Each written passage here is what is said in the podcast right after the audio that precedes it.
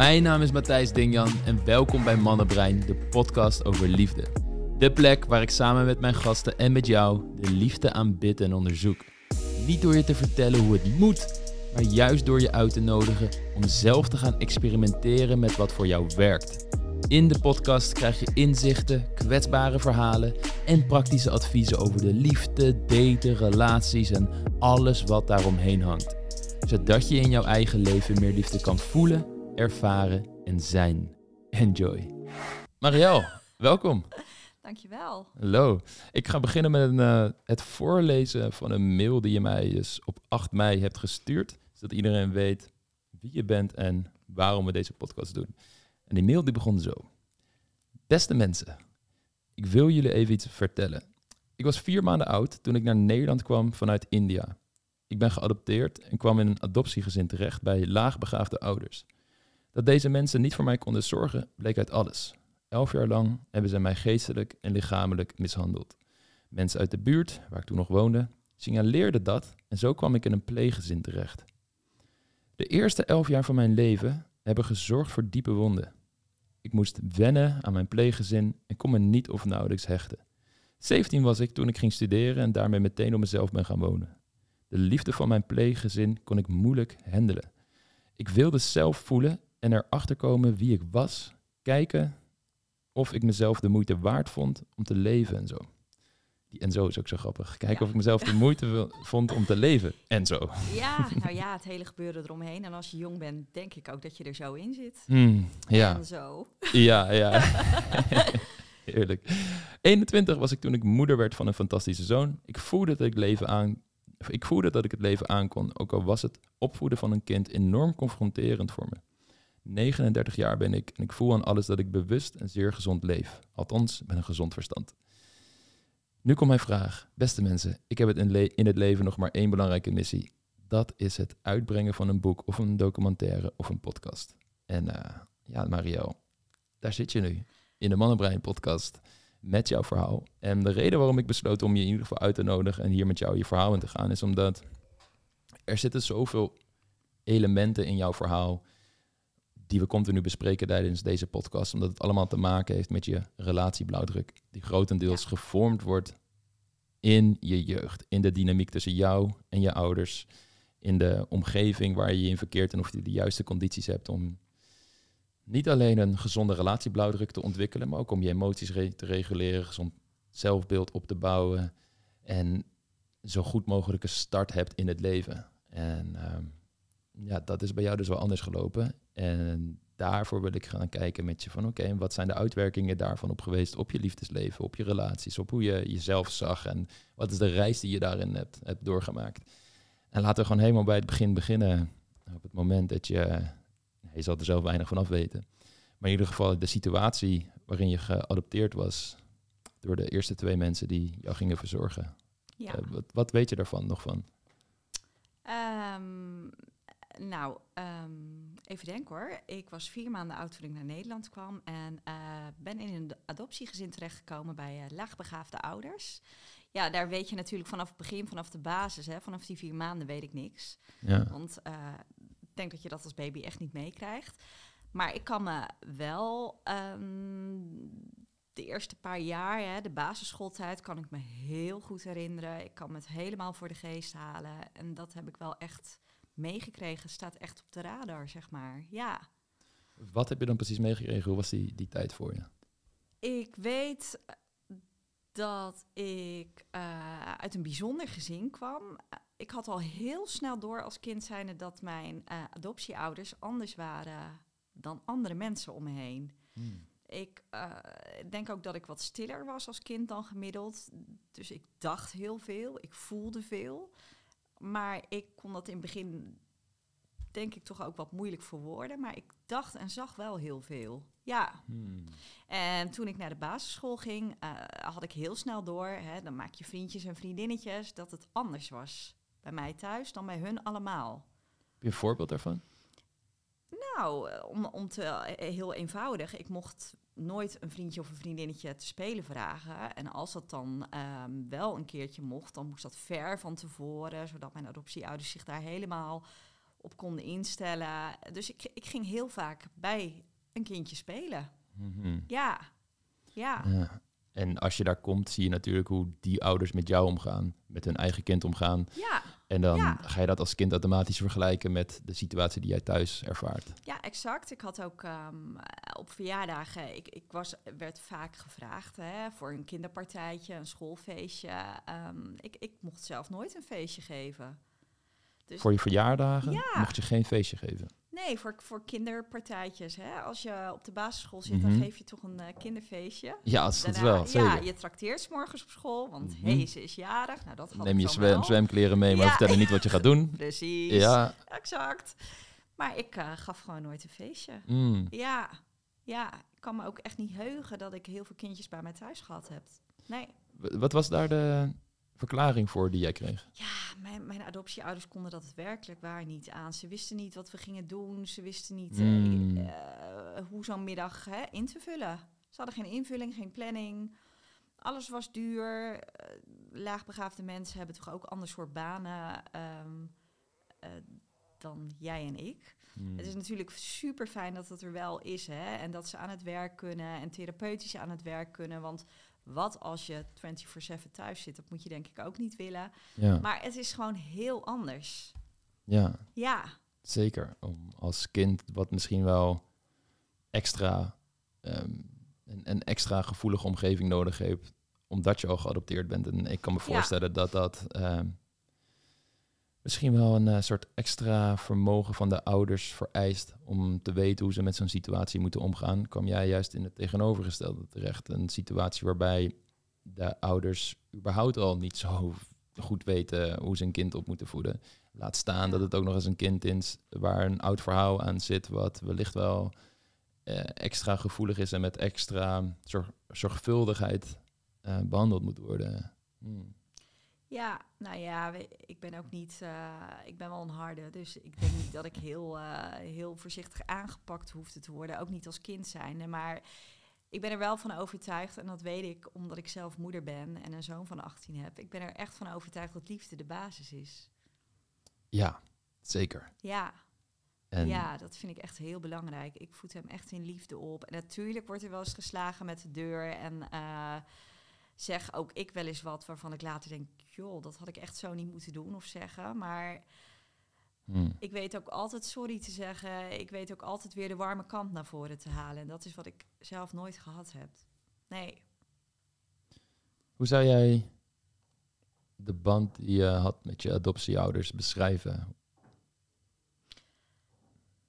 Nou ja, kil was het ook weer niet, maar het was anders. Mijn vader sloeg mijn moeder, mijn moeder sloeg mij. Hè, dus het was een cirkeltje. We waren met z'n drie. Ik was in het gezin het enigst kind. Dus ik, ehm, het was een cirkeltje hè, wat zich eh, afspeelde. Vader die een vrouw sloeg, of mijn moeder sloeg. Mijn moeder die mij dan weer sloeg. Ja, het ging er anders dan toen dan bij een gemiddeld mens, eh, bij een gemiddeld gezin. En konden ze mij echt niet handelen, dan zetten ze mij in de schuur en daar werd ik dan opgesloten. Ja, Hmm, ja, dat was echt hoe het ging. Hmm. Ja, Voelde je, je zegt al ja, ik was best wel een, een harde. Is dat iets wat je extra bent gaan ontwikkelen, de- achteraf gezien, eh, om met die hele situatie om te gaan? Want ik kan me ook voorstellen dat dat best dreigend kan zijn wanneer je adoptieouders, eh, die je gewoon ziet als je echte ouders op dat moment, neem ik aan. Dat voelde echt voor mij als mijn eigen ouders. En Ja. een harde in dit geval, eh, ik, ik wilde nooit huilen om dingen. Hmm, Hè, ik wilde niet zomaar tranen laten zien. En dat is eigenlijk wat ik nog steeds het leven door meeneem. Eh, in relaties, eh, op de werkvloer, waar dan ook. In, met vriendinnen of met vrienden. ja, ik vind dat echt heel lastig. Hmm. Hmm. Ja. En heb je toen er tijd op een gegeven moment signaleren mensen in jouw omgeving natuurlijk dat er iets niet, niet helemaal, Ja. helemaal juist is? Ja. Eh, waren dat buren of waren dat ouders van vriendinnetjes van jou? Ja, dat ben ik eigenlijk echt nooit te weten gekomen. Ik denk, ik denk natuurlijk wel ook dat ouders en de basisschool, een school waarop ik zat, ook wel dingen signaleerden. Hè? Want ik, Mhm. eh, als 's middags school uitkwam of uit was, dan eh, werd ik ook wel eens niet opgehaald. En dan stond ik om vijf uur bij het hekje te wachten. En dan zei mijn juf of meester, nou ja, in dit geval vaak mijn juf, eh Marielle, kom maar mee met mij. Je mag bij mij eten vanavond en dan mag je bij mij slapen. Ja, dat is echt een hele rare constructie. Het is zo apart om dan mee te gaan met je juf, daar te eten, vervolgens naast haar in bed te liggen en de dag erop gewoon weer naast haar te zitten in de klas. Dat is zo'n aparte constructie. Oké, en als dat gebeurde en, en je werd de dag daarna wellicht wel opgehaald Ja, door je ouders, hoe, hoe ging dat dan? Werd er dan over gesproken? Of in de klas? nee, met jouw adoptieouders? Eh, nee, met mijn adoptieouders, die eh, nam, namen dan ook die dag de telefoon niet op. Hè? Dus dan sta je bij school, vaak belt een juf naar huis van... joh, eh, staat hier een meisje te wachten? Ben je haar vergeten? Of is er iets gebeurd waardoor je haar niet kan ophalen? Zij namen op een gegeven moment ook de telefoon niet op. En mijn school, mijn juf, wist dat heel goed. Zij konden het niet, deze mensen konden het niet. Ja, we kunnen haar niet laten staan. Maar als kind huilde ik daar natuurlijk wel om. Want dan iedereen werd opgehaald door een vader, een moeder of een oppas. En ik stond daar. Ja. Hm. En dan wist ik, oh nee, ik moet weer mee. Ja. En, en als, je dan, als je dan bij je adoptieouders weer kwam, dus eh, je kwam wel weer bij hun thuis, Ja. werd er dan over gesproken? Ja, de dag erna eh, vroeg ik vaak van, eh, waarom was je er niet? Of, eh, en dan zei mijn moeder, ja, ik, ik, ik kon het niet vandaag. Of ik, eh, ik had er geen zin in. Eh jij bent zo'n lastig meisje. Eh, we hadden jou liever niet gewild. Ja, Wauw, ja, dat soort termen. Ja. Ja. wauw, oké. Hmm. En dit speelde zich al af op de basisschool, neem ik aan, als klein ja, meisje, dat als je dus klein meegenomen meisje werd. heb ik dat altijd wel aangevoeld. Vanaf hè? moment één krijg je dus eigenlijk al, Zo'n stempeltje. ja, Ja, je bent een lastig kind. ja, En los van de woorden laten ze ook in gedrag zien dat jij het niet de moeite waard bent om opgehaald te worden. ja, Een consistent voor jou aanwezig te zijn, een veilige thuissituatie te bieden. Ehm, zowel in woorden als in fysiek geweld. ja. Hmm. Ja, dus dat is dan altijd wel... En dat is dan ook wat je je leven mee doorneemt. Van in, tot in hoeverre ben je dan de moeite waard? Vind je jezelf de moeite waard? Ja, Mhm. ja. Maar daarentegen, hè, in het moederschap... Ik vind mijn kind altijd de moeite waard. Elk moment van de dag, al is het midden in de nacht... Hij kan mij altijd bellen, hij kan mij altijd roepen... Als hij s'avonds naar bed gaat en ik weet dat hij eh, het lastig heeft gehad op school of in het werk of hè, waar dan ook, dan zeg ik altijd: als er wat is, dan roep je me vannacht. En ook als er niks is. En dan Mm. lachen we en dan is het oké. Ja, Hmm. Op een gegeven moment worden de signalen opgepakt en je vertrekt uit het adoptiegezin, of tenminste, die wordt weggehaald, is een beter woord volgens mij, en komt in een pleeggezin terecht. ja signalen eh, werden later opge- opgepakt. Ik was negen en ik eh, ging s'avonds naar bed. En s'avonds, achteraf denk ik, ik moet een griepje gehad hebben. Ik was niet lekker, ik ging braken. Mijn eh, adoptieouders reageerden daar echt wel hysterisch op. Die werden boos, hè, want het bed was vies, ik was vies. Eh, dus hebben mij in de schuur gezet. Van joh, kijk nou eens wat je gedaan hebt. Nou heb je ook nog, eh, roep je ons ook nog s'nachts, moeten we wakker worden om jou. Je gaat maar de schuur in, eh, dit gaan we niet doen. Nou, prima, ik de schuur in. Ik stond daar in een nachthemdje als meisje zijn en ik bleef braken. Maar ik raakte daarvan in paniek. En ben ik heel hard op, de buur, op, de, op het raam gaan slaan. En toen stond de politie voor de deur in no time. Bij mijn adoptieouders. Ja, Damn. ja, dus dat kan niet anders dan dat buren een signa- signalement eh, eruit gegooid hebben. Ik denk Mhm. niet dat het door school kwam. Ik denk niet dat het ouders waren. Ik denk echt dat het uit de buurt kwam. Ja. En hoe oud was je toen, zei je? ja, toen was ik een jaar of negen. En dan wordt er gezegd, eigenlijk kan de politie niet zoveel doen hè, op dat moment. Dus die, die vragen dan echt van, joh, ben je oké? Hoe gaat het? Hoe voel je je? Een meisje Eh, van negen. ja, Ja. ja. eh, ze komen even binnen in huis en toen zeiden ze wel, wat wil je? Wil je mee met ons of wil je blijven? Ja, dan kies je echt ten alle tijden voor je ouders. Ja. Ja, Hmm. Je zei al van ja, ik zag ze echt als mijn, mijn ouders. Ja, Is het ooit aan jou uitgelegd dat je geadopteerd was door Ja. hen? ja, hun hebben dat wel uitgelegd later. Ja, Hoe oud was je toen ongeveer? ja ro- rond die leeftijd denk ik. Misschien een jaartje ouder. Ja, Mhm. Wat deed dat met jou toen je dat hoorde? Ik neem aan dat je het wel ergens misschien al wel signalen had opgepakt. Of, ja kinderen zeiden wel van... hé, hey, jouw ouders zijn blank en, en jij bent bruin, dus hoe zit dat? Mhm. Ja, ja. En eh, dan, dan kon ik daar ook niet echt een haarfijn... ja. had, ik, had ik daar geen scherpe uitleg voor. Ik heb ook wel eens gewoon gezegd van ja, nou ja, eh, soms komen er uit, uit witte ouders bruine babytjes. Mm. Ja, ik gaf er maar een draai aan, wist Ja, hoe ja, ja. ik zie helemaal voor me hoe kinderen. kind? Ja, ik zie helemaal voor me hoe je dat kan gaan oplossen. Ja, nee, precies. Ik was altijd Mm. heel creatief, dus eh, ik verzon ze waar je bij stond. Mm. Ja, en ik kwam er ook altijd, altijd mee weg, joh. Mm. Ja, Oké. En Ja. op het moment dat je het te horen kreeg, kan je dat moment nog herinneren en wat deed het met je? Nee, ik weet niet meer eh, toen ik het te horen kreeg hoe ik daarop reageerde. Ik weet wel dat op een gegeven moment zeiden mijn, eh, mijn adoptiemoeder had dan eh, echt zo'n bui, zo'n depressieve bui. En toen zei ze, ehm, zei ze weer, ja, ik baal ervan dat wij jou hebben. Je bent zo duur geweest, maar je bent je geld niet waard. Ehm, Je bent je geld niet ja, waard. ja, ze hadden echt waar voor die geld gewild. Hè. Ik wist al heel jong wat een adoptie kostte. Ehm, en toen, toen zei zij dat en toen die avond ben ik echt verdrietig naar bed gegaan, maar had ik ook een plan.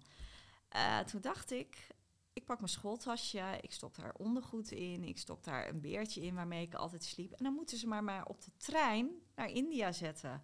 Want ze zijn continu niet blij met mij. En voor mijn gevoel had ik er alles aan gedaan om een lief meisje te zijn. En eh, ja, zet me dan maar op de trein terug naar India. Helemaal niet wetend dat het leven zo niet werkt en dat ik per vliegtuig ben gekomen. Eh, ja, nee. Dat Ja. wist ik dan weer net niet. Ja. Ja. Ja, en dat ik dat... Ik kwam dan naar beneden, ik had het tasje gepakt... en toen zei ik, joh, ehm, ik had ook een paars boekje, een paspoort gevonden van mezelf. En ik wist wel dat ik dat mee moest nemen, want ik dacht, dat is het treinkaartje. Dus hup, tasje ook in de tas. En toen zei ik van, ja, ik eh, heb bedacht vanavond... jullie vinden mij continu niet lief, jullie zetten mij altijd buiten in de schuur... Ehm, wil je mij terugbrengen? Wil je mij naar het station brengen? Eh, ik ik eh, zet me er maar op. Zet me maar op het station en eh, dan is het goed zo. Dan moet ik maar weg. Damn.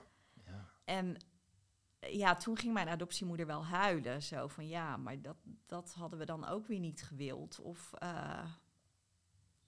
maar de- dat hebben ze dus ook niet gedaan. Hè? Maar ze zeiden ook niet van joh meisje, je bent welkom, het is goed, je bent oké. Hm. Dat hebben ze echt nooit gezegd. Nee. Hmm. Nee, dus uh, dat compenseer ik natuurlijk wel weer naar mijn eigen kind toe. Die is altijd oké als die niet, ook als die niet oké is. Of als die iets flikt wat echt niet kan. Hij is altijd oké. Mm. Mm. Ja. Ja. Oké. Ja, Ja. dit is, en dit zijn dan nog maar topjes van de ijsberg, neem ik aan, van Ja. alles wat er op consistente, structurele basis gebeurde. Ja. Op een moment toen eh, de politie langskwam, rond je negen ongeveer, Ja. is er toen een proces gestart van hoe dat meestal gaat. Dat er dan, ehm, ik weet niet precies hoeveel, maar een aantal meldingen, bewijs als het ware, verzameld moet worden, zodat ze een kind uit huis kunnen plaatsen. Ja, als kind zijnde weet ik dat niet. En eigenlijk nu kan ik je daar ook nog geen antwoord op geven. Ik weet wel dat eh, politie is toen ze- s morgens vroeg langsgekomen of midden in de nacht. En eh, vervolgens is dagpleegzorg opgestart. Dus ik ging naar een pleeggezin. Eh, dat houdt in, dan ga je, dagpleegzorg houdt in dat je smiddags uit school naar een gezin gaat. Daar eet je s'avonds. ehm en dan ga je na het avondeten gewoon weer terug naar je, in mijn geval naar je adoptieouders. En dan sliep ik daar en dan ging ik 's morgens weer naar school en dan herhaalde de situatie zich eh, Hm. opnieuw. Maar ook dat werkte niet. En op mijn elfde werd ik echt uit huis geplaatst en ben ik in het pleeggezin terechtgekomen. Ja, ja. En dat is echt traumatisch. Ik, ehm, zat 's morgens op een zaterdagochtend eh, aan het ontbijt bij mijn adoptieouders. En toen zei mijn pleegvader, eh, oh, toen zei mijn adoptievader, sorry, Marielle, ga even zitten. eh, we moeten je even iets vertellen. Je wordt over een uur opgehaald en je gaat naar de mensen toe waar je al in de dagpleegzorg zit. Maar als meisje van 11, ja, dat is echt afschuwelijk, joh. Hmm. Ja, dan weet je, ik wist, er gaat nu iets gebeuren. Ik kan dit niet meer rechtpraten. Ik kan niet meer eh, ervoor zorgen om ze op andere gedachten te brengen. Ik ben echt totaal door het lint gegaan. Echt finaal ook. Ik, ik ben echt met mijn hoofd op tafel gaan slaan. Ik heb me de arm van mijn vader beetgepakt. Ik wil bij jou blijven. Ik wil echt niet weg. En sorry dat ik niet het kind ben wat je gewild had. En sorry dat ik te bruin ben. En sorry dat ik. Ik wilde bij hun blijven. Hmm. Ja. Ja, hoe slecht deze mensen ook waren voor mij. Ik wilde echt voor hun zorgen. Ik wilde het goed doen. Ik wilde goede cijfers halen. Ik wilde het volmaakte kind zijn. Ja, Ja. ja. Hmm. Maar goed, dat heb ik een uur geroepen en toch eh, ging de bel en moest ik mee. Ja, ik moest zelf mijn tas pakken en ik heb, ik heb er spullen in gedaan en ik, eh, ik ben meegegaan. Achterin op de fiets ben ik eh, gezet door mijn pleegmoeder. Zij fietst en ik zat achterop te snikken. Ik wil terug en eh, breng me terug en ik wil niet bij jou zijn. En eh, ja, Achter op de fiets ook. ja, ja, Eh, ja. Mm. Zo ging dat vroeger, hè? ja, dat ik denk, hoe Nederlands kun je het ook hebben uiteindelijk. Heerlijk, ja. Achter op de fiets komen je ophalen. Ja, Hmm. Nou ja, mijn pleeggezin en mijn adoptiegezin woonden ook vijf minuten van elkaar. Dus dat, kon, dat hoefde ook niet per se met de auto. Ja, je kijkt moeilijk. Hmm, ja, je komt dan. Ik zit me gewoon voor. Je vertelt het en mijn brein is redelijk visueel, dus ik zie al die, die dingen als het ware voor me. Maar ook gewoon het hele idee dat je zo'n moeilijke periode doormaakt, een schuldgevoel ergens opbouwt dat jij niet goed genoeg bent als kind. Wat kinderen altijd hebben wanneer ze eh, ouders hebben die hun mishandelen, boos op hen zijn. eh, ja. het zijn tegelijkertijd hoe chaotisch en verdrietig jouw leven ook is, de enige consistente factoren die in ieder geval nog onder dak graven en er soort Ja. van wel waren in je omgeving. En als dat dan ook weer van je wordt losgerukt en, en je komt bij een nieuw pleeggezin terecht, ja, dat kan zo destructief, destructief zijn voor de rest van je leven.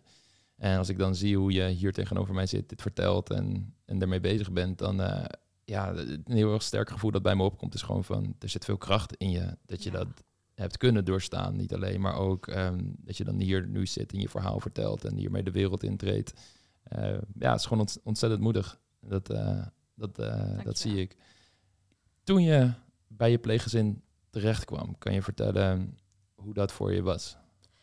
Nou, ik weet sowieso natuurlijk heel goed dat ik die dag dat ik daar aankwam, dat ik alleen maar op een stoel gezeten heb. En ehm, ja, dat ik heel veel gehuild heb. Ik wilde echt terug. Ik wilde echt.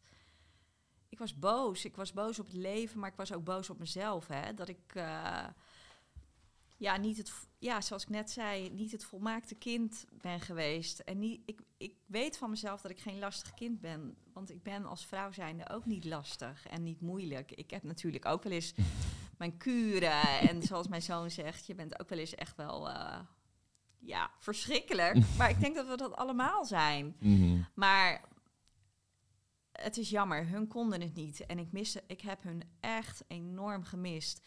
En nog steeds heb ik vragen. Mijn adoptiemoeder leeft niet meer, maar a- mijn adoptievader leeft nog wel. En dan denk ik, ja, ook jij, ik krijg het hik, ook jij Mhm. laat het afweten.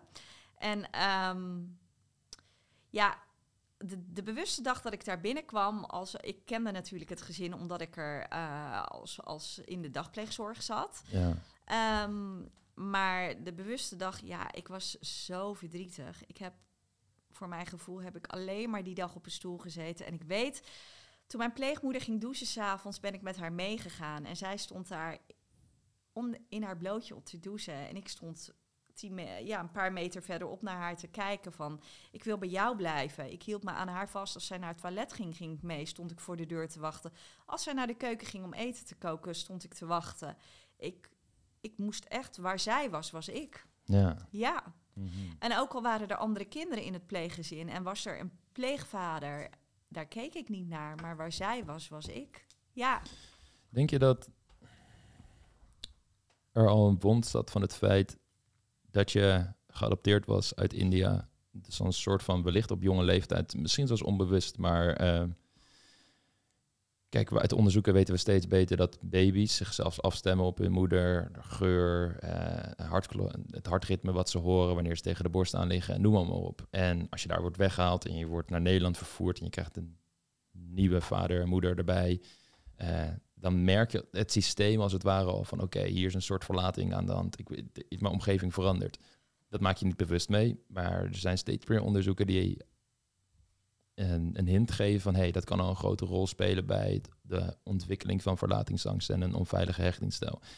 Heb jij het gevoel dat toen je deze dynam- dynamiek op je elfde bewust meemaakte, dat, eh, dat je niet alleen reageerde op datgene wat er op dat moment gebeurde, maar dat er wellicht zelfs al een soort oudere pijn ook geheractiveerd werd, ja dat dieper ging? Ik kreeg pas ook die vraag, inderdaad. Dat is dus, dus gewoon een hele goeie, maar dat weet ik niet. Nee. Nee, ik kan me dat. Ik, ik heb altijd enorme last van heimwee gehad. Ik ook, ook, ook gewoon. Ik leefde gewoon al als jong kind in onzekerheid. Werd ik wel opgehaald uit school, werd ik niet opgehaald. Ja, Hè, ik speelde altijd bij vriendjes of vriendinnetjes. Ze speelden nooit bij mij. Maar ook dan was de vraag: Ja. ga ik naar huis toe eind van de middag? Want werd ik niet opgehaald, moest ik ook daar blijven slapen.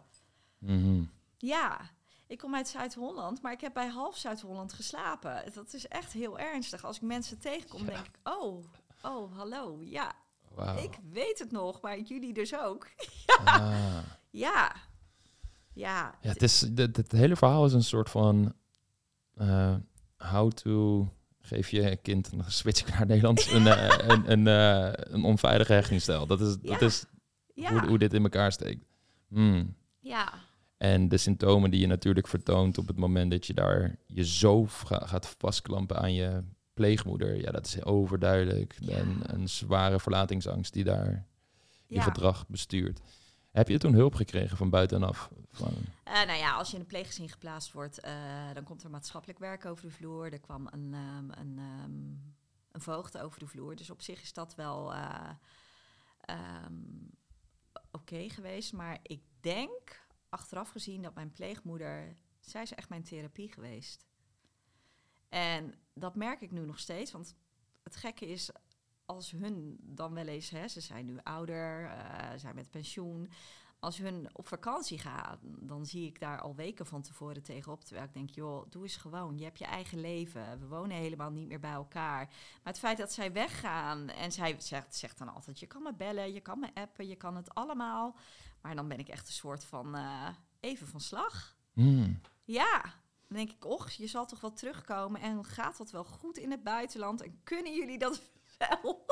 Ja, het is belachelijk. Ja, een geactiveerd hechtingssysteem, zoals we dat Ja. noemen in de psychologie. Je gaat, je wordt getriggerd, de gedachten gaan komen van komt er nog wat terug, kan ik het wel aan? Dat brengt een Ja. gevoel van angst, twijfel, onzekerheid met zich mee. En Ja. eh, omdat je die gevoelens ervaart en in die staat van zijn blijft hangen, komen daar weer meer gedachten bovenop. En dan is het een soort cirkeltje wat zichzelf blijft voeden dan. Ja. Zo zei zij ook pas van, eh, we worden nu wat ouder. eh, stel je voor dat wij overlijden. Weet jij wat voor sieraad je zou willen van mij? En toen dacht ik, toen keek ik haar aan. Ik zeg, ja, maar dit gaan we niet nu bespreken hoor. Dit gaan we echt niet nu bespreken.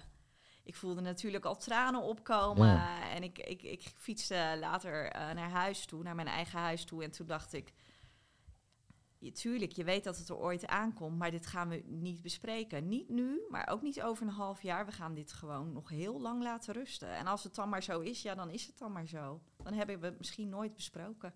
Hmm. Ja, ik als buitenstaander en als, als ik je coach zou zijn, zou ik hier nu heen sturen van oké, dit is een, lijkt op een patroon van vermijding van triggerende situaties.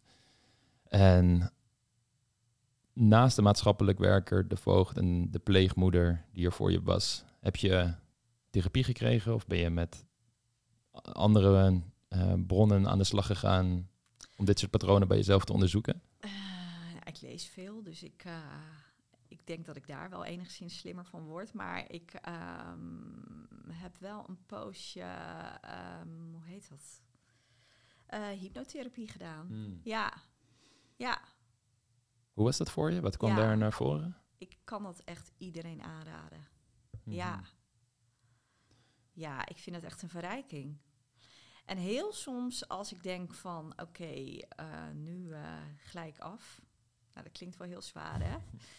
Maar ook, ook gewoon als ik denk, eh, eh, dan kijk ik om me heen en denk ik, nou, eh, de hele wereld rookt, de hele wereld koopt iets duurs voor zijn geld. Dus ik ga eventjes mezelf een sessie geven. Mm, Ja, mm. en dat vind ik dan echt zo mijn horizon verbreden. En ik word daar echt helemaal zen van. Ik vind Super. dat heel fijn. Super. Ja, en dan kan ik dan echt weer maanden opteren ook.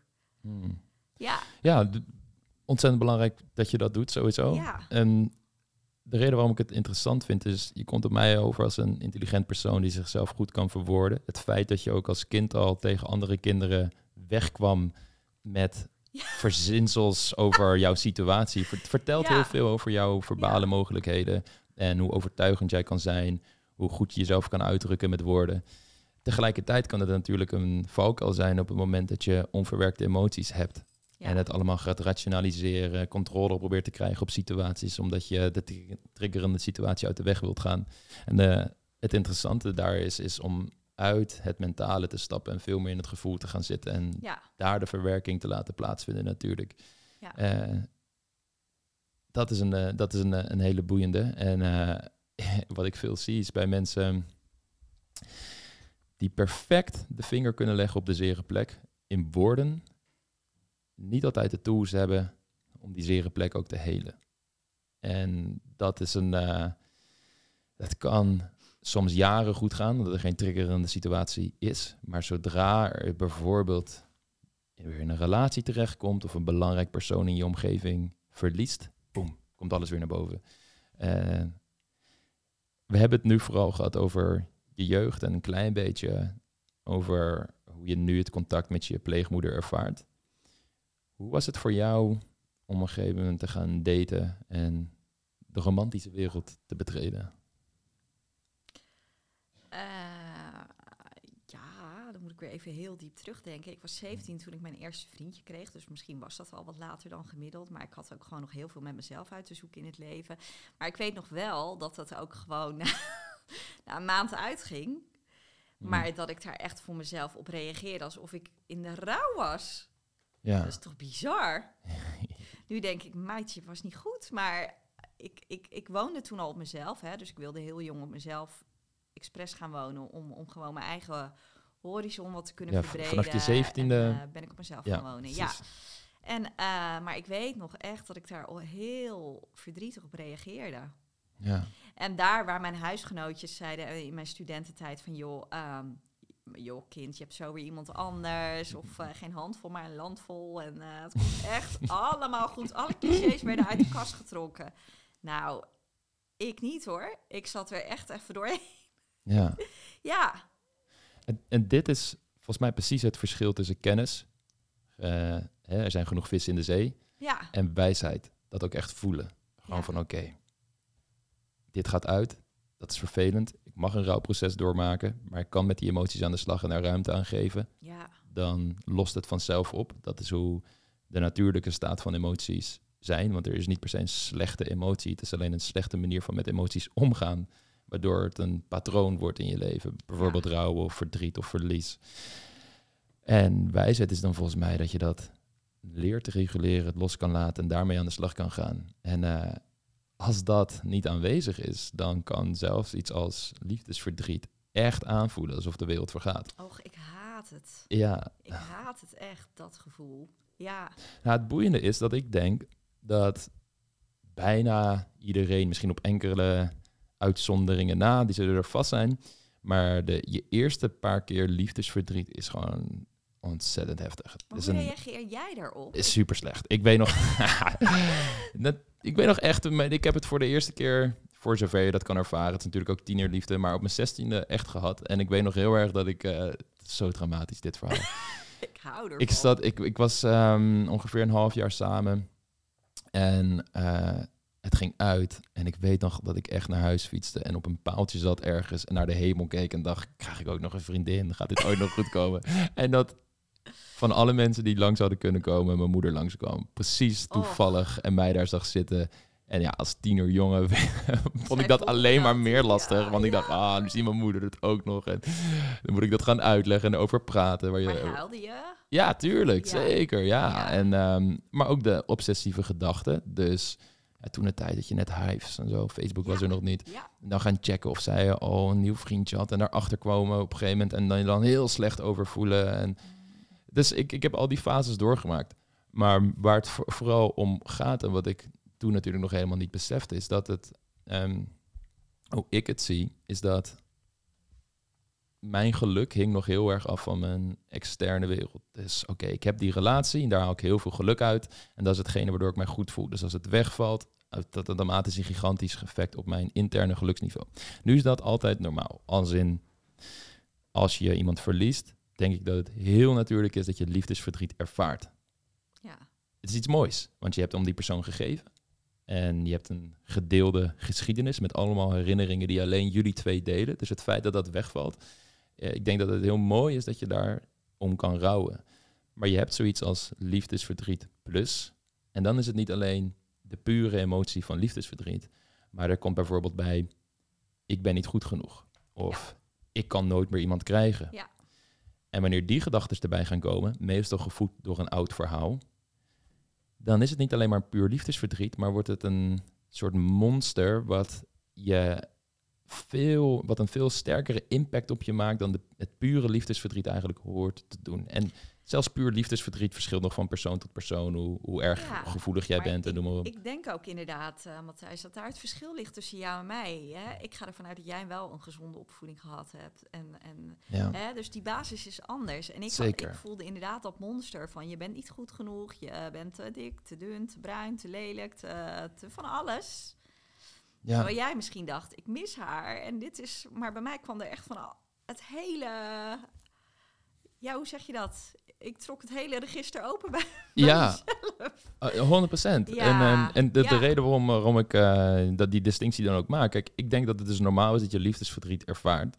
Maar precies dit wat je nu benoemt, is dat oude Ja. verhaal wat, waar de plus in zit. Ja, En wanneer mensen dat bij zichzelf merken van, oh, hier reageer ik wel heel heftig op, dan is het vaak een teken om het niet te zoeken bij die persoon die je verloren bent, maar om inwaarts te gaan. Ja. En waarom Ja. reageer ik hier zo heftig op? En dat is precies wat jij hier vertelt, met al die overtuigingen die dan naar boven komen, al die nare dingen die zijn gezegd. ja. Hmm. Dat eh, is je toen overkomen, om het zo maar te zeggen. Je maakt dat liefdesverdriet mee. Hoe ging je vanaf daar verder? Eh, nou, vanaf daar is het nooit meer goed gekomen. Nee, grapje, grapje. Nee, eh, vanaf eh, daar leer ik eigenlijk... Ja, maar dat is ook zoiets tegenstrijdigs, hè. Dan ben je enorm verdrietig dat je het je overkomt. En twee weken later heb je gewoon weer iemand anders. ja, zo gaat dat. Hmm. Ja, ja ik woonde... ja, nogmaals, eh, in een stu- studentenhuis. Dus Ja. eh, daar gebeurde van alles. ik had gewoon na twee weken iemand anders. En dat, eh, ook dat ging weer uit. Dus ik reageerde daar ook weer als een... Ja. Hè? Het monster weer kwam zo- uit de kast. Ja, Ja, precies. Dus eigenlijk is dan... nu, nu zou ik zeggen, dat is dan weer even zo'n examenmomentje in je leven. Hè? Hoe- Hoe je er dan in zit en hoe je dat dan weer voelt. En heb je geleerd van je eerste ervaring. Nou ja, ik, het monster kwam weer op de hoek, eh, om de hoek kijken geestelijk. Maar ehm, ja, gelukkig, ik ontmoette altijd weer opnieuw mannen, mensen, jongens. Ja, Mhm. ja. Mhm. En op mijn, twee, op mijn 21ste eh, eh, leerde ik een vaste relatie kennen en heb daarmee samengewoond. Daar is een fantastisch kind uit voortgekomen. En eh, zijn we wel gescheiden, maar dat is wat het is. Ja, Mhm. ja. Hoe was jouw en is jouw kijk op relaties en daten? Hoe was dat aan het begin toen je daar net mee bezig was? En hoe is dat nu? Wat zijn transfers, ja, transities, transformaties die je daarin hebt meegemaakt? En dan bedoel je naar het scheiden? Naar het uit- Daarvoor ook al. Hoe, Nou ja, nou, eh, ik, ik zit er anders in. Hè. Ik, eh, volgens mijn zoon ben ik nu echt bejaard aan het worden. Dus eh, ik ben 39, maar oké. bijna zoons, zeg altijd van die lieve dingen. Heerlijk. Ja. Mm.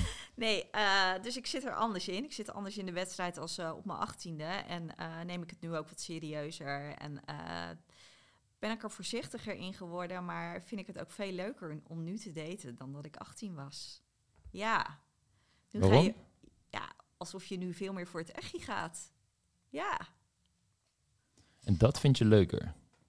nou, soms wel. Soms, Hmm. ook, soms vind ik het ook wel lastig. Dat ik denk, jeetje, eh, nu is het het weer niet. Of, hé, hey, maar aan de andere kant, kijk, kan ik nu wel met een gezondere kijk naar mezelf kijken. En dan denk ik, ja, nou ja, jouw gemis.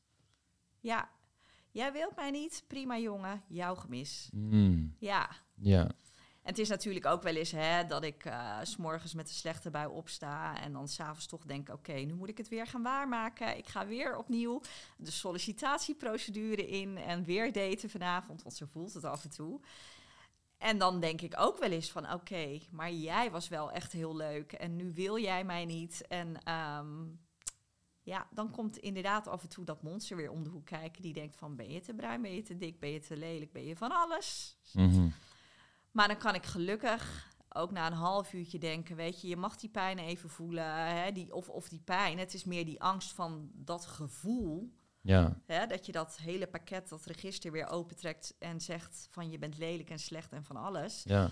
Eh, dan mag ik dat even voelen. Maar na een half uurtje is het ook weer klaar en denk ik, oké, dit was wat het is, next. Hm. En gaat het, lost het gevoel dan als het ware op omdat je het doorvoeld hebt en eh, het echt eventjes toestond? Of is het gewoon, oké, Nee, nu ga ik gewoon weer naar voren? En, Nee, nee ik, ik voel het dan echt even. Ik, ik heb geleerd daar echt even, hè, door, dat is wat Hypno ook doet. Hè, echt even naar je innerlijke zelf te gaan. Ik vind dat echt top. absoluut, zeker. Zo leerzaam. Daar heb je dat ook geleerd? Ja, Mooi. ja. Hoe oud was je toen je je eerste hypnotherapie-sessie deed? Oud zal ik geweest zijn? Ongeveer Eh, ik denk een jaar of dertig. Hoe ging je daarvoor met dat soort emoties om? Ja, niet? Nee, ik kon het... e- Ja, je moet erom lachen. Nee, maar Mhm. ik, ik kan dat echt heel diep wegstoppen bij mezelf. Ja, En ik, ik, het gaat met mij altijd goed. En soms heb ik dat nog, hè, dat als een collega zegt eh, s s'morgens, joh, eh, zie je eruit? Wat is er? En dan, oh nee joh, niks, slecht geslapen, pff, whatever. ja, Hè, dus ik, ik kan dingen altijd, eh, maar ik kan dingen altijd verbloemen. En ik kom er nog steeds overal mee weg, verbaal. Maar bij mijn zoon kom ik er nooit mee weg. Dat is echt zo absurd. op wat voor manier? Ja, soms denk ik, wij zijn elkaar. Ik ben jou, maar jij bent ook mij. Ja, Hmm. Ergens klinkt dit voor mij ook, en dat is een patroon wat ik vaker zie, is op het moment dat mensen een sterke verlatingsangst kunnen ervaren, die je volgens mij op sommige gebieden nog steeds af en toe de kop op kunnen steken, bijvoorbeeld met je pleegmoeder. Eh, het idee dat ze weg zou vallen of dat ze op vakantie gaat, dat dat al weken van tevoren ervoor zorgt dat je erover na gaat denken, Ja. is, is een hele interessante Ja. ergens wat ik dan soms zie, en ik ben benieuwd eh, eh, of je dit herkent of juist totaal niet, is dat het eh, ook de andere kant in kan opwerken. En dat er dus een symbiose gaat optreden met de kinderen die je zelf hebt, omdat je hen ook niet wil verliezen, er altijd voor ze wil zijn en die band zo hecht wil maken, omdat je datgene gemist hebt in je eigen jeugd en in een soort overcompensatie gaat ten opzichte van je eigen kinderen. tuurlijk. Hoe zie je dat? Tuurlijk is het overcompensatie. Ehm, dat is het zeker. Hè? Ik wil echt de perfecte moeder zijn. Mhm. En dan heb ik het dubbel op. Hè? Dus je wil eh, laten zien dat je het kan, omdat je een, eh, een moeilijke jeugd gehad hebt. Maar je wil het ook laten zien, omdat je het kan, omdat je gescheiden bent. Mm. Ja. Maar mijn zoon zei pas wel echt iets, ehm, ja, iets tekenends. Die, eh, wij zaten s'avonds aan tafel en toen zei hij... ja, maar ik ben goed in, in sporten, hè, mam. Toen zei ik, ja, ben je, maar ik ook. Ja, ja, was ook wel weer waar. Ja, zei hij, maar ik ben ook goed in spelletjes doen, want ik win heel vaak. Ik zeg, ja, is ook waar, maar, maar ik ook, hè? Ik ook. En toen keek hij me aan, ja, oké, en je kan ook voetballen en je kan ook dit. En eh, ik kon van alles in zijn ogen. Nou, was allemaal waar. Maar toen zei hij, ik weet iets. Wat jij, eh, waarop jij verlies gaat draaien en ik niet. Jij bent slecht in doodgaan en ik niet. En toen keek ik hem aan. En toen zei hij, want eh, als jij morgen dood zou gaan, mam, dan kan ik leven zonder jou. Ik heb gezonde opvoeding gehad. Ik weet de normen en waarden van het leven. Ik weet hoe ik, eh, dat ik door middel van geld zelf moet verdienen. ehm, mezelf in leven moet houden. Maar als jij mij verliest, dan, dan, dan lig je ervan af. En ik weet dat dat waar is. Mm. Dan hoeft het niet meer. Nee, dan is dat niet alleen de glans van het leven af, maar het, ik denk dat het hart niet meer helen kan. En dat ik Hmm. zelf als persoon ook niet meer kan helen. Dus ik denk dat hij daar gelijk in heeft. Ja, en toen dacht ik, nou ja, oké, ik, eh, ik win wel graag. Maar jij hebt deze discussie gewonnen. Ja, Mm. Wauw, ja. Ja, ik was echt geraakt hierdoor. Begrijp ik. Ik, eh, ik. ik hoor het tweedehands en ik word erdoor geraakt. Dus eh, als het Ja. gezegd wordt en je zit in de dynamiek. Hoe eh, heb je vaker dit soort gesprekken met je zoon? Waarin jullie... Ja, Het is een heel kwetsbaar iets om te zeggen. En ook eng om te zeggen, lijkt me. Ik vind het moedig van hem dat ik hij vond het echt zo dat durft te zeggen. Ja, absoluut. Ja, ik heb hem ook echt s'avonds echt zo beet gehouden. Van, ja, maar dit gaat echt nooit gebeuren. En ook al weten we dat het ooit gaat gebeuren, het gaat gewoon niet gebeuren. Oké? Oké. Slaap lekker. Ja, ja, dit onderwerp is weer weggestopt. Ja, ja. precies.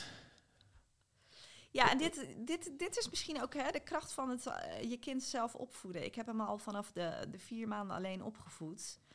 En eh, ik ben wel een paar keer teruggekomen eh, bij zijn vader. Maar de basis is dat ik hem echt wel als klein babytje zelf heb opgevoed. En ik gewoon met hem één hecht team ben. Ja. Mm. Mm. En hij ziet mij, ik zie hem in alles. En ik vergeet wel eens, naarmate hij ouder wordt, hij mij ziet. Mm. Ik, ik kan geen geheimen meer voor hem hebben, joh. Eh, als, er 's nachts, als ik s'nachts een logier onverwachts heb gehad Mhm. en ik zeg niks, en ook al is het huis spik en span, heeft hij het door. Maar als ik eh, verdrietig ben, heeft hij het ook door. Ja. Ja. ja, als ik een keer niet lekker ben, hij ziet het. Hoe, hoe kijk jij naar deze hele situatie? Het feit dat je zo'n zoiets zegt, het feit dat je weet en voelt van nou, als, als ik hem zou verliezen in mijn leven, ik weet niet of het voor mij dan nog wel. eh, het, leven verliest de glans. Eh, hoe, hoe kijk je daarnaar, naar dit soort dingen? Ik vind het echt, maar ik denk dat ouders en mensen die dit naar jou luisteren, en ik denk dat wij dit allemaal hè, als ouder kunnen voelen. Ik denk dat, ik, dat dit niet meer goed komt. En, en ja, ik vind het, het geeft natuurlijk paniek. Mhm. En ik hoop echt. Ik wil nog duizend keer vallen in het leven. Ik wil nog 2000 keer weer opstaan, want daar heb ik echt de kracht voor. Maar ik hoop dat mij dit echt bespaard blijft. Want dit is het moment dat ik niet meer kan opstaan hoor. Mm. Nee, nee, nee. Verlies van een belangrijk persoon in je leven. Dat is een thema wat, wat natuurlijk zo sterk aanwezig was. Wat jouw oude verhaal zo erg heeft gevormd. Dat als je dat nog een keer over zou overkomen. Het trekt alle registers open en ik, ik kan dat niet nog een keer zo eh helen. Nee. Weet je, dan heb ik nog een, nog een keer liever dat een relatie uitgaat. Of dat we eh, weer een keer gaan scheiden. Of dat we, hè, dat, dat, dat weet je. Daar, ben ik, daar, heb ik, daar heb ik ervaring in. Maar dit, eh, nee, je eigen Mm. kind wil je niet verliezen. Nee, ja, kijk, het willen sowieso niet. En voor mij, kijk, ik heb geen kinderen. Ik wil uiteindelijk wel kinderen. Mm, en het is hetzelfde met liefdesverdriet. Op het moment dat je het niet hebt ervaren, is, blijft er altijd een, een kleine afstand tussen een, hypno, een, eh, ja, hypothese opstellen over hoe je met iets zou omgaan en het daadwerkelijk je bevinden in de situatie. Dus het is van mij vanaf deze stoel zonder kinderen ook lastig voor te stellen hoe het echt is. Ik kan me er een voorstelling bij maken, maar ik begrijp niet hoe de ervaring zelf is. Maar het, zijn hele interessante onderwerpen, omdat als je weer kijkt naar liefdesverdriet plus versus liefdesverdriet, heb je ook een soort rouwen om iets voor zo'n soort rouwen plus, wat je zou kunnen zeggen, om iets, omdat verlies al zo'n groot thema is in je Ja. leven. Ja. Ja, En kijk, op, op het moment dat het niet gebeurt, is het, is het natuurlijk zo. Dat is sowieso wel heel fijn. Maar op het moment dat het niet gebeurt, maar je bent er wel heel erg angstig voor de hele tijd en het zou je leven gaan beïnvloeden, dan wil je er natuurlijk daadwerkelijk wat mee, aan, aan- mee gaan doen. Maar Ja. als jij in je dagelijks leven er niet per se wordt door belemmerd. nee, en nou, het zit wel in mijn hoofd. Mm, Stel je voor dat ik jou kwijtraak. Of stel je voor dat je nu de deur uitgaat en er gebeurt iets verschrikkelijks. Maar ik, ik word er steeds wel... Ik, ik kan er ook gewoon mee leven. Ik, ik, met die gedachten. En ehm, ja, mm, mm. Als je dan kijkt naar hoe jouw relaties waren. We spreken bij Mannenbrein dus vaak over een relatie blauwdruk. Je ziet twee ouders of andere verzorgers die op een bepaalde manier met elkaar omgaan. Je ziet hoe ze ruzie maken, je ziet hoe ze communiceren, je ziet hoe emotioneel beschikbaar ze zijn. Al die elementen van mens zijn en menselijke dynamieken die zie je voorbij komen. Bij jou is dat op een manier geweest die je niet dient in je eigen relaties. Hoe heb jij geleerd om met relaties bezig te zijn? Ben je bewust daar bronnen voor gaan opzoeken? Of heb je dat een beetje kunnen afkijken bij het pleeggezin waar je terecht kwam? En heb je daar nog veel geleerd? Um, nou ja, ja, zoals ik net al aan het begin zei, van mijn vader sloeg mijn moeder, mijn moeder sloeg mij. Dus ik heb echt daarin heel veel verkeerde dingen gezien. Ik heb wel altijd bedacht dat ik dat gewoon nooit hoop mee te maken. En dat is gelukkig ook hè, nooit zo gebeurd. Mhm. Ehm, ja, ik wil bijna zeggen, natuurlijk heb ik wel eens een foute man gehad, maar wat is een foute man en wanneer is het fout? Ja. Beantwoord het maar. Ik ben benieuwd wat jouw eigen visie daarop is. Waarom je zegt van ja, ik heb er wel eens een foute man ontmoet. Ja, een beetje narcistische types, ja. Mhm. Ja. En wat, wat houdt dat precies in? Ja, nou, die vooral uh, heel erg met zichzelf bezig zijn. Altijd uh, bezig zijn met hun eigen carrière. Uh, daarnaast weinig tijd hebben voor, voor mij of, of hè, voor überhaupt andere dingen. En op het moment dat je elkaar ziet, gaat het alleen maar over, over hem. Ja. Hmm. Jij bent ja, zeg maar, de, de, je hebt een soort van B-rolletje in de film waar hij de A-ster is. De... Ja, en soms doe ik dat ook zelf, hè. Dat Mhm. heb ik me ook wel eens bedacht. Van, joh, Marielle, je kan wel eh, zeuren, maar soms laat je dit ook gebeuren. Eh, jij gaat zelf voor een man met een enorme statusbaan, waarvan je al verwacht... Prima dat je die weer binnengehengeld hebt, maar hoe kan je deze blijven behouden? hoe kan dit? Hmm.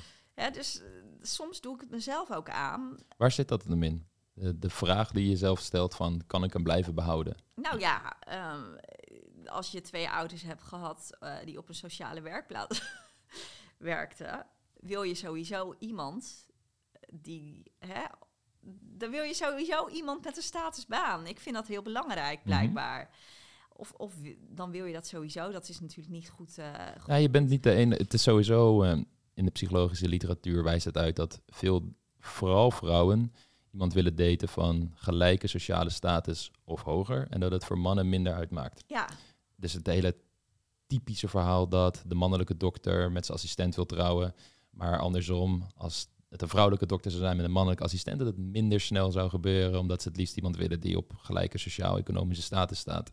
Eh, daar, daar zit een hele interessante evolutionaire kijk naar. Als je gewoon gaat kijken naar dierenrijk, is het natuurlijk in gigantisch veel voorbeelden te zien dat hoe hoger je staat in de sociale status als man, hoe meer vrouwen je eh, tot je beschikking hebt als het ware. Wat weer natuurlijk weer voortplantingsvoordelen heeft. Om het allemaal heel plat te slaan. En bij mensen is het ingewikkelder. Maar je ziet nog steeds wel bepaalde patronen daarin dat vrouwen een voorkeur hebben voor mannen met hoge sociale status, banen of. Eh, hoe, hoe zit dat dan bij jou? hoe bedoel je? Als we even de vraag... eh, We gaan het over mij hebben nu hier zo. vind ik heel interessant ook. Ik kan ook heel goed over jou praten. We hadden afgesproken dat niet te doen, hè? Nee, nee zeker. Wat wil je Nee, zeggen? nou ja, eh, maakt dat uit voor jou? Wel, wat, wat, het beroep van een vrouw? hoe ik het zie, en ik, denk, ik denk hier sowieso meer over na dan gemiddelde mensen. Ik ben met niks anders bezig dan mijn Ja. vak. Ja. Maar hoe het voor mij in elkaar zit, is dat ik iemand wil die passie heeft voor datgene wat er doet, levensenergie uithaalt. En Ja. daar echt volledig in op kan gaan. En als dat aanwezig is, maakt het voor mij niet zoveel uit wat je doet. En daarnaast eh, denk ik dat het voor mannen richting vrouwen dus ook sowieso iets minder uitmaakt. Als mijn vrouw ook meer zou verdienen dan mij, dat is ook een, een ding wat je bij mannen vaak hoort, zou het me ook niet uitmaken. Omdat Ja. mijn ma- ik haal mijn mannelijkheid, mijn eigen waarde, mijn zelfbeeld niet uit het feit of ik meer verdien dan mijn vrouw. En dat is hoe ik er naar kijk. Sommige mannen kijken daar totaal anders naar. Die zouden dit juist niet willen. Ehm, maar dat is natuurlijk heel erg persoonlijk van wat jouw eigen normen en waarden zijn in het leven. Of je er überhaupt over nadenkt waar je jouw normen en waarden vandaan haalt. Of het echt iets is waar jij in gelooft, omdat dat het beste is voor de mensheid in zijn algemeniteit. Of dat het gewoon iets is wat je op jonge leeftijd erin hebt gekregen. Ja, En je wilt Ja. niet eens kritisch naar jezelf kijken, maar je bent gewoon volhard in het feit dat jouw wereldbeeld het beste wereldbeeld is. wat er is. Ja. dus als ik naar mezelf kijk, ik denk dat ik eh, vrij zelfanalytisch ben, veel met dit soort onderwerpen bezig ben en gewoon tot die conclusies ben gekomen van oké, het draait me niet om de status die iemand heeft, het draait om in vriendschappen bijvoorbeeld hoe erg met ik ze kan lachen en of ze er voor me zijn en of we eerlijk naar elkaar kunnen zijn in onze gesprekken. En in mijn relatie draait het vooral om, als we puur naar status kijken, houdt ze van haar werk, vindt ze dat leuk en hoe is de dynamiek tussen ons twee? Dat staat centraal. Ja. En, en eh, op familiair gebied. ehm, Je hebt de vraag wel mooi afgewend zo hier eventjes. eh, het aan ging over jou, maar ja, wat doe je, wat doe je daarover? Nee, ja, is het belangrijk dat iemand een leuke familie heeft? Want ik, ben, ik heb echt, van echt zo'n beeld in mijn hoofd. Want ik denk van, jeetje, dan ontmoet je een man. Ja, En dan is die eigenlijk is die fantastisch. Dan is de baan leuk. Dan is, is de auto leuk. Dan is het huis leuk. Dan is het, ik durf het eigenlijk niet eens uit te spreken. Want het is echt wel een beetje apart dat ik soms zo denk. Ik ben er ook wel wat makkelijker in aan het worden. Maar oké, dan is alles leuk. ja, Maar dan denk ik, wat heb ik nou te bieden? ja, en daar, dat is, thanks, nu pak je hem alsnog terug namelijk. Om de, op de vraag die ik wilde stellen. Want mijn vraag aan.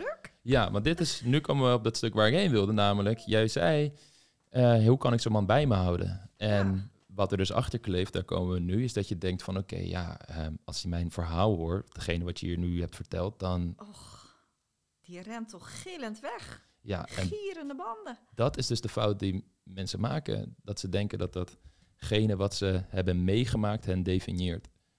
Terwijl datgene wat jou definieert is jouw reactie op datgene wat je hebt meegemaakt. En het feit dat jij hier zit, hier heel krachtig zit als vrouw en je kwetsbaar durf- durft op te stellen, niet wegrent voor datgene wat je is overkomen, maar, maar ook dat durft te delen met de wereld, over na durft te denken, zien hoe je zelf dingen anders kan doen in jouw leven. Ondanks dat je weet dat het allemaal niet perfect gaat, maar je bent in ieder geval leren en probeert nieuwe informatie op te doen. Dat is hetgene wat inspirerend is. En dat zit hem veel meer in je karakter dan in de materialistische Tuurlijk. onderwerpen die je hebt Ja. vergaard in deze wereld. Tuurlijk. En dat is hetgene waar je ook directe invloed op hebt. En niet zozeer op de successen die je gaat behalen in deze wereld. En dat is ook hetgene wat voor de meeste mannen, wanneer ze zelf ook het karakter van iemand anders in hoog aanzien hebben. En dus vaak ook goed aan zichzelf werken. En wat minder narcistische trekjes hebben. Wat ze waarderen in een vrouw. En uiterlijk en iemands baan kan nog steeds op de eerste indruk heel belangrijk zijn. Maar zodra dat een soort niveau heeft van oké, dit zit goed genoeg, dan gaan mensen vaak echt kijken naar wie je echt bent. Ja. En dat zit al ehm, best wel snel goed genoeg, om het zo maar te zeggen. Weet je, heel veel mensen denken van ja, mannen of vrouwen geven alleen maar aandacht aan de allerknapste of de allerrijkste. Eh, maar als je om je heen gaat kijken, de meeste mensen zitten zo niet in elkaar. Om één hele simpele reden. Heel veel mensen eh, daten met ongeveer dezelfde sociaal-economische status. Mensen van ongeveer hetzelfde uiterlijk qua hoe symmetrisch die gezichten zijn Ja, en noem maar allemaal ja. op. En weet je wel, dus er zijn daarin sowieso dat mensen eh, al aangetrokken zijn tot datgene hoe ze zichzelf ook een beetje inschatten. Eh, en dat zorgt ervoor dat hoe slecht jouw verhaal ook is, het er vooral om draait van oké, hoe ga je er in het hier en nu mee om? En als dat op orde is, dan zou je zien dat je nog steeds prachtigere mannen kunt aantrekken met wie je een hele liefdevolle relatie kunt opbouwen. ja. En je kijkt me aan van ja, maar waar vind ik die dan? Nee, nee, nee, nee, nee. Oké. Nee. Mhm. nee, eigenlijk niet. Nee, ik, eh, ik werd even... Ik bedacht me net, ehm, dat, dat is ook waar, hè, wat je zegt. Ik, ik zag pas echt een prachtige vrouw. En ik, ik, eh, ik, ik heb dat stukje gevolgd van haar op tv ook. En eh, toen zei zij... eh, maar ik heb echt een verschrikkelijke jeugd gehad. Gevlucht uit een ander land en allemaal traumatische dingen meegemaakt. En haar man, ze mocht een stukje vertellen over zichzelf. En haar man kwam in beeld. Ook een prachtige man om te zien. Dus ik dacht al, dit past echt heel mooi bij elkaar. Mhm. En dan, hè, de, eh, hij vertelde een stukje over zijn leven. En hij vertelde over hoe hij haar ontmoet had. Maar toen zei hij ook, zij kwam met niks. En moet je kijken wat een krachtige vrouw zij is. Mhm. En eh, door het feit dat zij in een mooi huis wonen, een fantastisch gezin hebben en eh, het hele het hele gedoetje flink op orde hebben, zei hij. Maar s'morgens word ik wakker naast haar en dan, dan kan ik alleen maar lief glimlachen en denken, dit is ultiem geluk. Hmm. Terwijl zij met niks kwam. Ja. Ik vond het echt heel mooi. Ja, het gevaar is denk ik dat we in een samenleving leven waarin je jezelf al snel kan verliezen dat de materialistische succes en de status die je hebt het allerbelangrijkste is. En er zit een wel degelijk, denk ik, een biologische kern in die we gewoon niet kunnen negeren. Als in, we vinden dit wel degelijk belangrijk als mensen. Dat blijkt uit heel veel onderzoeken.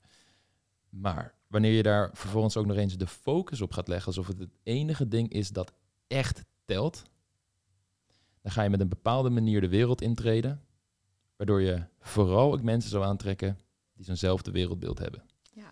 En dat is het gevaar van dit soort dingen, dat je je daar te veel door laat meesleuren. Om je een voorbeeld te geven, ik heb wel eens, ehm, zat ik bij een ondernemersclub en daar was een man en die, uh, we hadden het uh, uh, over date en zo en eh, ik weet niet meer hoe, maar op een gegeven moment zei hij, ja, en als ik dan echt succesvol ben, ja, er wordt natuurlijk wel een bepaald soort vrouw ja, bij dat, dat, succes. Ja. Prima. Als, weet je, niks mis mee als dat is hoe jij naar de wereld kijkt. Maar besef je wel dat als jij met zo'n man gaat, dat het waarschijnlijk een man is die uh, het wereldbeeld aanhangt van de status, het materialisme, het moet goed zijn voor de buitenwereld. En dat, en dat is niet altijd, maar dat dat meestal ook de mensen zijn die minder zelf, zichzelf heel kwetsbaar zullen opstellen, Ja. minder in jou geïnteresseerd zullen zijn, eh, minder openstaan voor andere visies en, Ja. en noem maar op. En dat is niet altijd zo. Er zitten heel veel nuances aan dit verhaal. Maar waar het vooral om gaat, is dat je voor jezelf helder hebt. Wat is mijn visie op het leven? Wat vind ik belangrijk? En dat je vanuit die visie het, leven in gaat treden. En dat je dan dezelfde soort mensen gaat aantrekken. En dan kun je nog steeds mensen aantrekken die hoge sociale status hebben, prachtige baan, prachtige auto. Ja, Maar doet het er niet om. Waar dan? Schaf mijn cursus aan, dan komt alles eh, helemaal goed. Dan komt alles helemaal goed. Nee, maar, eh, maar ze, ze leggen de focus daar niet op. En dat is, en dat is het grote verschil en het, het grote eh, belang dat mensen beseffen van ja, wat jij uitstraalt, trek je aan. En wanneer je daarmee aan de slag gaat, met datgene wat je van binnen voelt, denkt, wat je gedrag gaat bepalen, als je dat gaat veranderen, dan zul je ook andere resultaten gaan krijgen in de wereld. Ja, Ja. Hoe zie je, wat is jouw visie daarop? Wat voor partner zou je willen aantrekken? Of wat voor relatie wil jij hebben? Hoe ziet dat eruit? Nou, na het vele daten kan ik je ondertussen al zeggen dat ik eigenlijk wel heel goed weet wat ik wel wil, maar, maar nog meer wat ik niet wil. Mhm. En hè, wat ik net ook zei, naarmate ik wat ouder word, kan ik het ook wat meer loslaten. Ja. Het hoeft allemaal niet meer zo perfect. Echt, mijn vriendinnen, als mijn vriendinnen dit terug horen, denken ze, huh? wat is er met haar? wat heeft hij in haar glas gestopt? nee, eh, natuurlijk is het leuk hè, als het het hele pakket heeft. De mooie auto, het fantastische huis, de statusbaan. Maar ik, ik weet dat het niet zaligmakend is, want ik heb het allemaal al gedate. Mhm. En ik kan nu echt zeggen, oprecht vanuit mijn eigen hart, omdat ik ook misschien wat blijer met mezelf ben en wat rustiger in mezelf ben als jaren daarvoor, dat als iemand gewoon happy is in zijn baan en het prima op orde heeft, dat het oké is. Dat als die mij aan het lachen kan maken en dat als we leuke dingen doen en oog hebben voor elkaar en eh, hij ook wel eens kan vragen aan mij van hoe voel jij je, is dit oké voor jou? In plaats van dat ik er als een hondje achteraan moet rennen van we doen wat jij wil. Mhm. Dat dat, dat oké is. Ja. Ja. En dat komt ook echt omdat ik zelf rustiger ben geworden. Denk je dat... Want het klinkt ook ergens als je, eh, dat je bepaalde dingen gewoon hebt, meer hebt kunnen loslaten en een Ja, gezondere... ja. Ja. Ik neem aan dat de hypnotherapie daar een belangrijke rol in heeft gespeeld ook. Dat hele proces van loslaten, dingen accepteren in het Dat leven. zet je heel anders aan het denken. Ja. Ik vind het echt top zoiets. En wat ik ook net zei, hè. Mhm. eh, als iemand naar de sauna gaat, denk ik, eh, nou, leuk voor je, fijne dag. Ik ga mezelf dit cadeau doen vandaag. Ja, Ja, en perfect ook. het heerlijk. Een hele gezonde manier van kijken. Ik bedoel, ik ga vaak naar de gym, ik sport veel. En iedereen begrijpt dat je niet één keer kan gymmen en de rest van het jaar fit bent. Maar dat het iets is wat je moet blijven doen. Ja, Wat niet zegt dat je een zwak lichaam hebt. Nee, maar je onderhoudt je lichaam. ja. Ja, daarom blijf je het moet doen. dit af en toe onderhouden worden. En dan, dan voel ik het ook echt, hè. Dan voel ik het ook echt. Dan Ja, voel ik op een gegeven moment toch een bepaald soort onrust. En dan denk ik, ja, nou, we gaan gewoon weer even. En dan eh, kom je weer herboren terug. En dat is ook echt zo. Ja, Prachtig, prachtig. Het, ja. het klinkt ook ergens, kijk, in familieopstellingen heb je zoiets als je lot accepteren. Dus wanneer jij een zwaar familielot hebt, een zware geschiedenis, een zwaar oud verhaal, is dat op het moment dat je in weerstand blijft zitten daartegen, dat dat voor heel veel frictie zorgt en voor heel veel negatieve patronen. Je kunt het niet loslaten. Ja. En je zit dus in verkramping. Als je Ja. iets niet kan loslaten, je pak iets vast, dan zit die, eh, mijn vuist gaat verkrampen en dat heeft een effect op heel mijn, op heel mijn lichaam. Je, heel je focus gaat er naartoe. En als je het loslaat, oef, sta je opeens weer open, kun je om je heen kijken. En als ik je zo hoor praten, heb ik het gevoel dat je in een proces zit van steeds meer acceptatie voor het feit wat je hebt meegemaakt, waar je vandaan komt, de dingen die er gebeurd zijn. Daardoor ook beter in staat bent om bepaalde dingen los te laten. Die, en dit is een hypothese die ik nu bij jou voor wil leggen. Ik kan me voorstellen dat je ergens nog vasthield aan het feit dat je jezelf moest bewijzen, bijvoorbeeld. Omdat Ja. je veel hebt te horen hebt gekregen dat je niet goed genoeg was en noem maar op. En dat doordat je je lot daarin steeds meer accepteert, ziet dat het uit onkunden kwam en dat je bepaalde dingen gewoon hebt meegemaakt waar je, die je niet meer kan veranderen, dat je dat steeds meer loslaat, daardoor de bewijsdrang ook steeds meer loslaat. En daardoor ruimte creëert om niet vanuit een moeten te daten van ik moet mezelf bewijzen en een man hebben die dat ziet en noem op, maar veel meer van wat vind ik zelf echt belangrijk vanuit mijn Ja. authentieke kern, vanuit de Marielle die, die gewoon in mij zit, van wat echt goed voelt bij mij in plaats van een plaatje wat ik ooit heb opgedaan vanuit negatieve patronen. Hmm.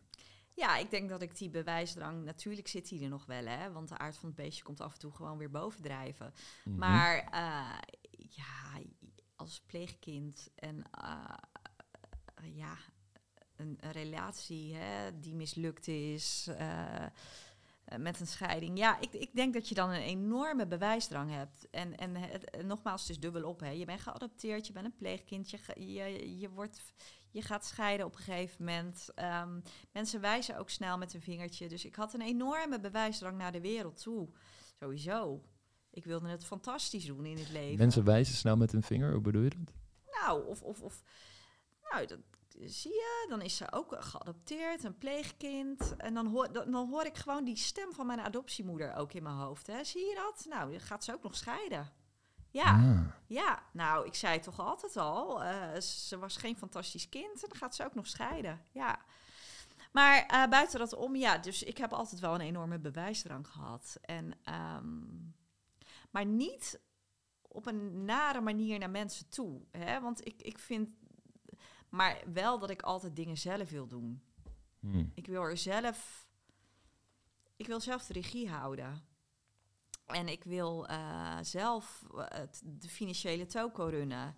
En ik wil zelf het hele vermogen binnenslepen per, per maand. En dat moet dan echt wel genoeg zijn. Hè? Dus soms maak ik ook weken van 70 uur, werkweken van 70 uur. Omdat ik denk, kom op, ik, jij kan dit, jij kan dit.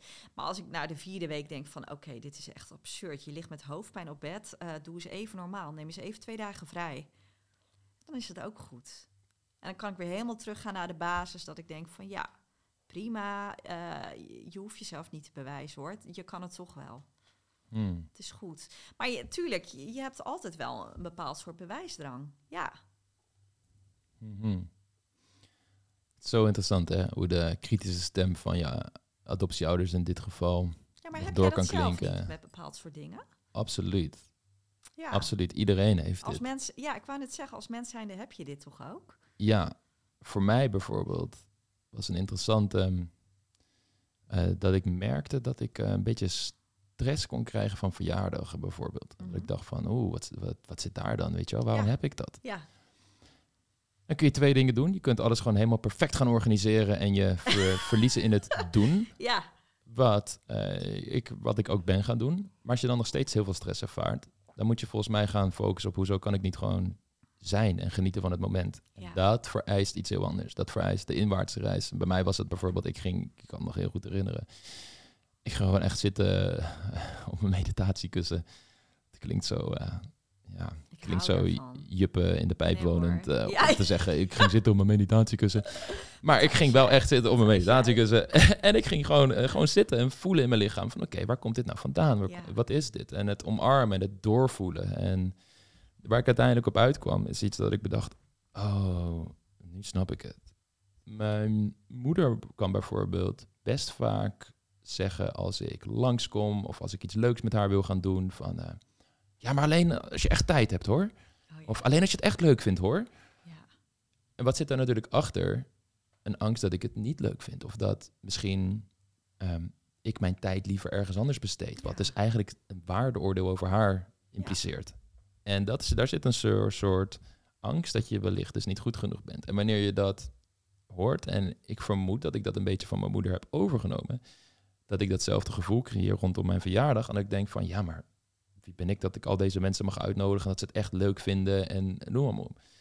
En eh, dit is niet iets wat veel in mijn leven naar boven kwam, maar voor rond mijn verjaardag was dat altijd een dingetje dat het eventjes boven kan drijven. ja. En eh, dan is het gewoon het moment dat je daarmee aan de slag wil gaan. En aan de slag gaan betekent dus soms inwaarts gaan, gaan onderzoeken van wat, wat zijn deze emoties, waar komen ze vandaan. En zelfs als je niet een hele duidelijke aanwijzing kan vinden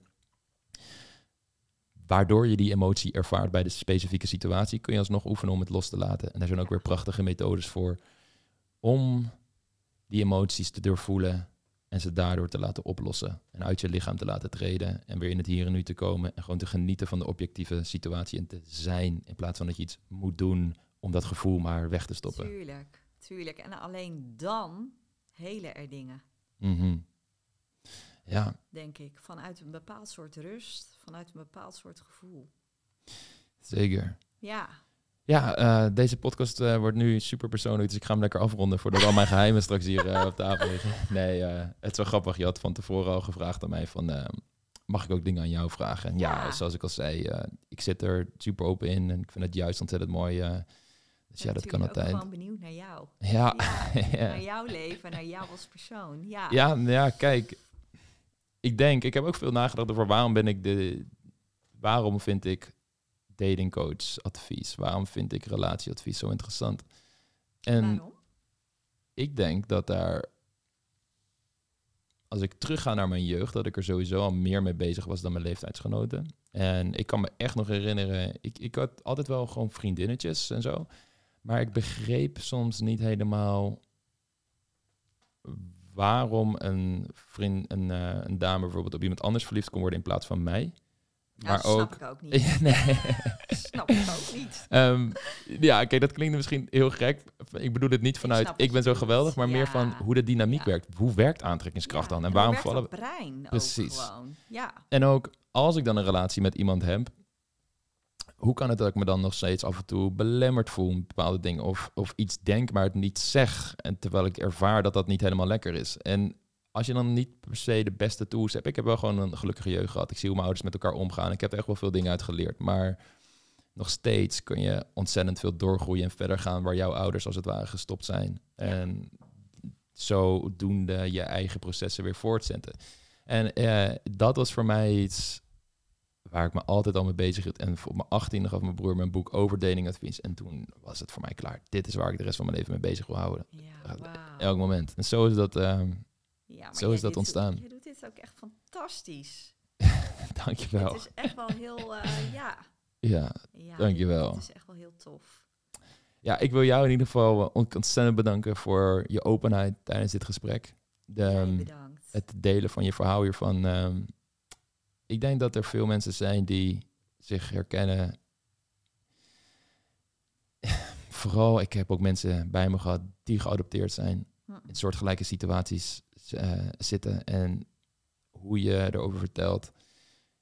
Hoe je ermee om bent gegaan. Steun bent gaan zoeken. eh, bijvoorbeeld bij professionals die hypnotherapie geven. En wat het pad is wat mensen ook willen behandelen. Ik denk dat dat een ontzettend belangrijke kern is van je kan van een jeugd waarin je, als je griep hebt en moet overgeven en in de schuur gezet worden, nog steeds een gelukkig leven leiden. En kind, zelf kinderen opvoeden, zolang je maar met jezelf aan de slag gaat.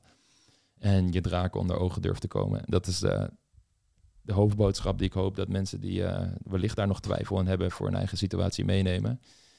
Eh, heel erg bedankt. Jij bedankt. Ja, Welkom. echt. Dat was hem. Super fijn. Leuk.